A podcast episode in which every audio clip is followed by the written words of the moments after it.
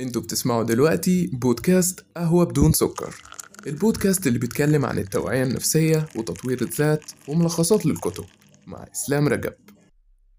النضج من أهم الصفات اللي بنبحث عنها على طول ودايما حابين إن إحنا نكتسبها. بنقرأ عنها كتير على السوشيال ميديا. بوستات من نوعية التجاهل هو النضج وحاجات ما إلى ذلك. في حاجات صح وفي حاجات غلط. بس ليه أنا أصلا أكون شخص ناضج؟ يعني أنا ليه أكتسب صفات تخليني شخص ناضج؟ علشان النضج ده هيريحك انت في المقام الأول قبل ما يريح اللي حواليك. هيريحك وهيخلي عندك اتزان نفسي عمرك ما وصلت له في حياتك كلها. مش هيكون لا في صراعات ولا دوشة جوه منك بالعكس هيكون فيه هدوء واتزان وبتعرف تستقبل الأمور بحكمة واتزان. وما عندكش تسرع في القرارات بالعكس انت هادي ورزين جدا في نفسك لدرجة انك في أصعب الأوقات بتعرف تتمالك نفسك كويس وتعرف تتصرف كمان. وقيس على كده أمور كتير جدا هنقولها دلوقتي من ضمن الصفات اللي هنذكرها علشان تكتسب صفة النضج بس خلينا متأكدين في الأول إن البني آدم بطبعه مش بيحب يتغير. يعني الكلام ده إحنا كنا بنقول في الأول إن البني آدم بيمل بسرعة وبيحب التغيير. دي حقيقة بس البني آدم بيحب يحتفظ بالصفات الخاصة بيه هو. مش بيحب يغير في السلوكيات بتاعته لأنه بيكون مقتنع بيها إن هي صح تماما. وبيكون مقتنع إن شخصيته كده تمام. حتى لو شاف بعض القصور اللي في شخصيته فهو برضه مقتنع بالمبادئ اللي ماشي عليها ومقتنع برضه بالسلوكيات والعادات اللي هو بيعملها. فخلينا نشوف كده كام صفة من خلالهم نقدر نكتسب النضج ويكون عندنا اتزان شوية في شخصيتنا. يلا بينا.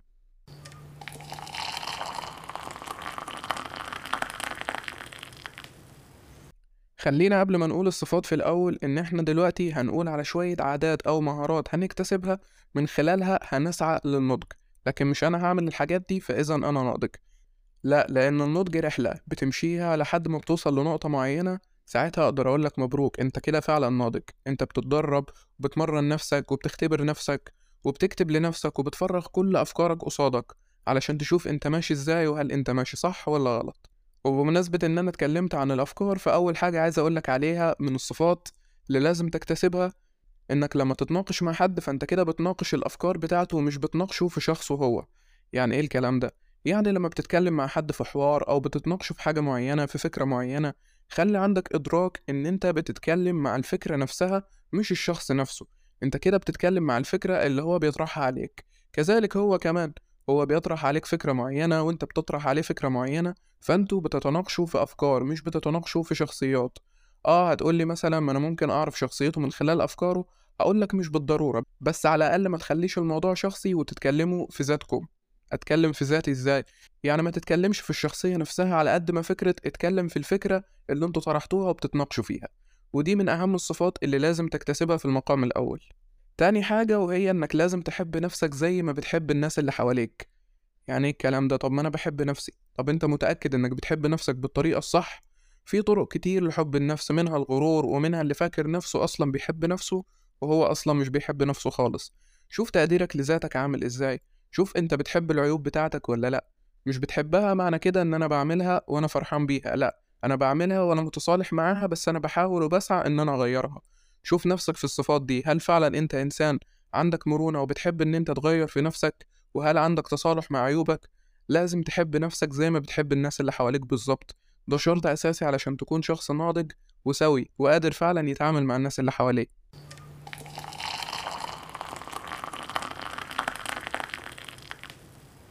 تالت حاجة وهي إنك تتحمل مسؤولية الأفعالك بغض النظر عن اللي حواليك عاملين إيه. يعني في موقف مثلا حصل معايا على كذا مرة بنكون قاعدين في مدرج مثلا كل الطلبة يمكن عاملين شغب بس أنت مسؤول عن نفسك. يعني أنت لو عملت شغب معاهم فأنت كده مسؤول معاهم. لو أنت ما عملتش شغب فأنت كده مسؤول عن نفسك ومسؤول عن ذاتك. فكده أنت تحكمت في نفسك ومرضتش إن أنت تكون ماشي مع العامة كده وسايب نفسك الدنيا هي اللي تسوقك والأشخاص هم اللي يسوقوك وخلاص. لا أنت عندك مبدأ وماشي بيه فأنت اللي بتتحمل مسؤولية أفعالك. حتى لو أنت غلطت فأنت بتتحمل برضو مسؤولية الغلط الخاص بيك. بتراجع نفسك وبتحاسب نفسك. مش هحاسب نفسي إن أنا أجلد في نفسي لأن جلد الذات عمره ما كان حساب. احاسب نفسي عن طريق إن أنا أعاقب نفسي لأن أنا غلطت في النقطة دي والمرة الجاية هصلح منها. أنا كده مسؤول عن الغلط بتاعي ومعترف بيه. كده أنت أثبتت لنفسك إنك شخص مسؤول وقادر فعلا إن هو يدير حياته. رقم أربعة وهي إنك مش لازم في كل موقف تقول الرأي الخاص بيك. رأيك ما اتطلبش فأنت إذا بتقوله ليه؟ هنا بقى النقطة اللي حابين نتكلم فيها. لما حد يطلب رأيك اديله رأيك بمنتهى الصراحة وبمنتهى الشفافية وبدون أي مجاملة منك. ولو حابب إن أنت تديله نصيحة في السر يا ريت. لكن مش أي حاجة تحصل قصادك ومش أي موقف يحصل قصادك تقول رأيك فيه. معاك طبعا إن كلنا بنتناقش في الأمور السياسية وبنتناقش في الكورة وبنتناقش في حاجات كتير جدا. بس لما يطلب رأيك في حاجة معينة أو أمر معين أو موقف بعينه حاول إن أنت تقوله بطريقة مهندلة وبطريقة كويسة جدا. ما طلبش منك كده فياريت تحتفظ برأيك لنفسك وبلاش تقوله لأي حد خالص. وخليك عارف إن في مواقف لا تستدعي أصلا النقاش. في مواقف بتكون تافهة جدا في حياتنا بس الناس بتحب تتكلم عليها لمجرد إن هم يتكلموا وخلاص. فخليك عارف أنت بتتناقش في إيه.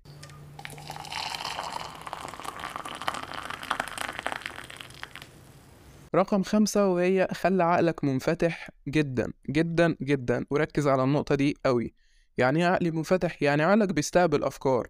عقلك بيعرف يقيم أفكار. عقلك بيسمع ويقيم ويحلل. بيسمع من الطرفين مش بيسمع من طرف واحد. ده مثلا لو هنتكلم عن موضوع أو قضية معينة. فأنت بتسمع من هنا وبتسمع من هنا وبتشوف الصح من وجهة نظرك. ما بتسلمش عقلك لحد. أوعى في يوم من الأيام تسلم عقلك لحد وتقول إن الشخص ده أمين وكويس فأنا همشي وراه وهمشي ورا دماغه. لأ أنت ليك دماغك اللي ربنا سخرها ليك وخلقها ليك علشان تفكر بيها وبناء عليها تمشي. وبناء عليها تمشي في حياتك. أنت بعد كده هتتحاسب علشان عندك دماغ وعندك جسم وعندك لياقة ربنا اداها لك سبحانه وتعالى. فأنت هتتحاسب على كل ده. فمهم إن أنت تستغله لصالحك. مهم إن أنت ما تسلمش عقلك لأي حد خالص. أنت اللي بتحلل وأنت اللي بتفكر وأنت اللي بتربط الأمور ببعضها. أنت اللي بتفكر خليك عارف كده كويس ودي أهم صفة من صفات الناضجين إن أنت تكون بتعرف تفكر كويس وبتحلل الأمور وعارف الصح من الغلط. رقم ستة وهي يمكن سمعناها بشكل كبير أو بنقرأها في بوستات وهي إنك تدي قبل ما تاخد. ناس كتير بتفضل تتكلم عن الظلم وإن أنا لازم محدش بيديني حب محدش بيديني مشاعر إيجابية محدش بيديني طاقة إيجابية. طب ما تخليك أنت المبادر بده يعني ابدأ أنت وبادر بالأمور دي. أنت اللي تكون بتدي في المقام الأول. خليك يا عم زي ما بيقولوا كده بالبلدي أنت يا عم قدم السبت وهم يدوك الأحد. وهي الدنيا بتمشي. فخليك أنت الشخص المعطاء في المقام الأول وبعد كده انتظر الرد من الشخص اللي قصادك. وانت برضه بدماغك هتكون عارف مين اللي بيعرف يرد ومين اللي ما بيعرفش يرد. بس بلاش تكون منتظر وخليك انت اللي بتاخد الخطوة.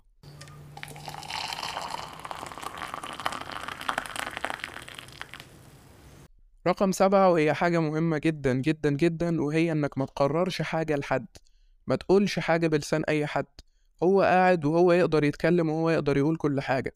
فأنت ما تقررش لأي حد من الناس اللي حواليك ولا تقول أي قرار على لسانه خالص بالمرة. كل واحد فينا حر وكل واحد فينا عنده القناعات بتاعته وكل واحد فينا عنده المبادئ الخاصة بيه وكل واحد يقدر يقرر في حياته وكل واحد يقدر يعمل أي حاجة هو عايزها. فبلاش تحمل نفسك قرارات مش قراراتك وخليك في القرارات اللي تخصك انت وبس. ما تقررش لحد. عايز تنصح حد انصحه. عايز تقدم المعرفة اعمل كده. بس ما تقررش. القرار الأول والأخير بيكون للشخص نفسه. انت كل ما عليك انك بتقدم معلومات وهو يفكر ويقرر. كذلك برضو الكلام عليك انت. محدش يقدر يقرر لك ولا حد يقدر يقول أي حاجة المفروض إنك تمشي عليها. وزي ما إحنا اتفقنا إنك بتمشي بدماغك وبتحلل وبتقيم الأمور من حواليك وبعد كده بتقرر. فالقرار الأول والآخر ليك أنت. كذلك الناس القرار الأول والآخر ليهم هما رقم 8 ويمكن في بعض الأحيان كلنا بنقع في الفخ ده وإن إحنا عايزين نظهر بشكل مثالي أو مش عايزين نظهر بشكل مثالي إحنا عايزين نعمل كل حاجة في حياتنا بنسبة مية في المية.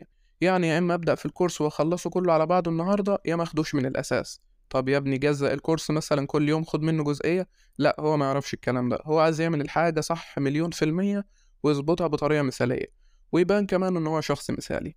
وده غلط تماما تماما تماما. مفيش حد فينا مثالي. الكمال لله وحده سبحانه وتعالى. فخليك شخص واقعي وخليك شخص بيتعامل مع الأمور بمنظور واقعي شوية. مفيش حاجة بتتم بشكل كامل. لازم بيكون في شوية أخطاء مهما كان الانضباط ومهما كان الالتزام بيها. فحاول إن أنت تتقبل ده بصدر رحب وخليك على الهادي على نفسك كده وبلاش جلد فيها لما تغلط في حاجة. إحنا بشر. مش ملايكة ولا إله. حاشا لله طبعا. إحنا بني آدمين وربنا متقبلنا وإحنا بنخطأ. فليه أنت مش متقبل نفسك لما بتغلط؟ اسأل نفسك السؤال ده دايما هتلاقي نفسك بتتقبل الغلط بصدر رحب وبتعدله. رقم تسعة وهي آخر حاجة عايزك تتغلب على الأفكار اللي بتشتتك وبتبعدك فعلا عن الهدف الأساسي بتاعك. إنك تكون متحكم في مخزون الأفكار بتاعك دي حاجة مش سهلة. إحنا خلاص اتفقنا إن أنت اللي بتفكر وأنت اللي بتقيم وأنت اللي بتحلل. بس مش عايزك تتسوح في الحتة دي شوية وتدخل في دايرة ال overthinking لدرجة إن أنت تدخل في أفكار هي مش موجودة على الواقع وتفضل تفكر فيها وتقنع نفسك بيها وهي أصلا مش موجودة. والأفكار دي هتشتتك عن الهدف الخاص بيك ومش هتخليك عارف تمشي في رحلتك ولا هتخليك عارف تعمل أي حاجة في حياتك. فحاول على قد ما تقدر إن يكون في control على الأفكار الخاصة بيك. أنت اللي بت handle أفكارك وأنت المتحكم فيها. فما تسمحش لأي فكرة إنها تدخل دماغك كده وخلاص زي ما قلنا قبل كده خلي عندك بوابة زي المطار مثلا بتفلتر أي حاجة ملهاش أي لازمة أو هتمثل ضرر وخطورة على عقلك.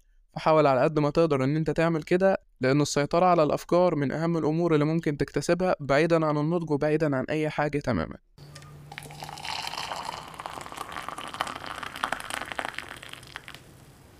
وبكده نكون قلنا تسع صفات أو تسع مهارات لو اكتسبتهم هتقدر تكون شخص ناضج بس زي ما قلنا في الأول خالص وخليك متذكر إنها رحلة. أنت مش هتعمل الحاجات دي فهتكون شخص ناضج لأ. أنت بتعافر مع نفسك وبتجاهد نفسك علشان توصل للشخص اللي أنت عايزه. فحاول يكون عندك صبر شوية وأكيد هتقع. حياتك عاملة زي المنحنى طالع ونازل. مش هتفضل دايما في الطالع ولا هتفضل دايما في النازل. فحاول إن أنت تكون متقبل ده بصدر رحب وتقبل غلطك عادي جدا. معرفتش تطبق كل دول مفيش أي مشكلة. ممكن تشوف إيه المناسب ليك وتقدر تعمله في الوقت الحالي وبعدين تقدر تكتسب صفات تانية بمهارات تانية بحاجات كتير جدا. مش لازم كل حاجة مع بعضها أنت بتبني شخصية ودي أصعب حاجة ممكن تعملها في الدنيا دي كلها إن أنت تبني شخصية سوية متزنة دي أصعب حاجة ممكن تعملها وناضجة كمان. فحاول على قد ما تقدر تدي لنفسك وقتك وبلاش تستعجل وبلاش كمان تجلد في نفسك. أشوفكم على خير دايما مع بودكاست جديد وقهوة بدون سكر.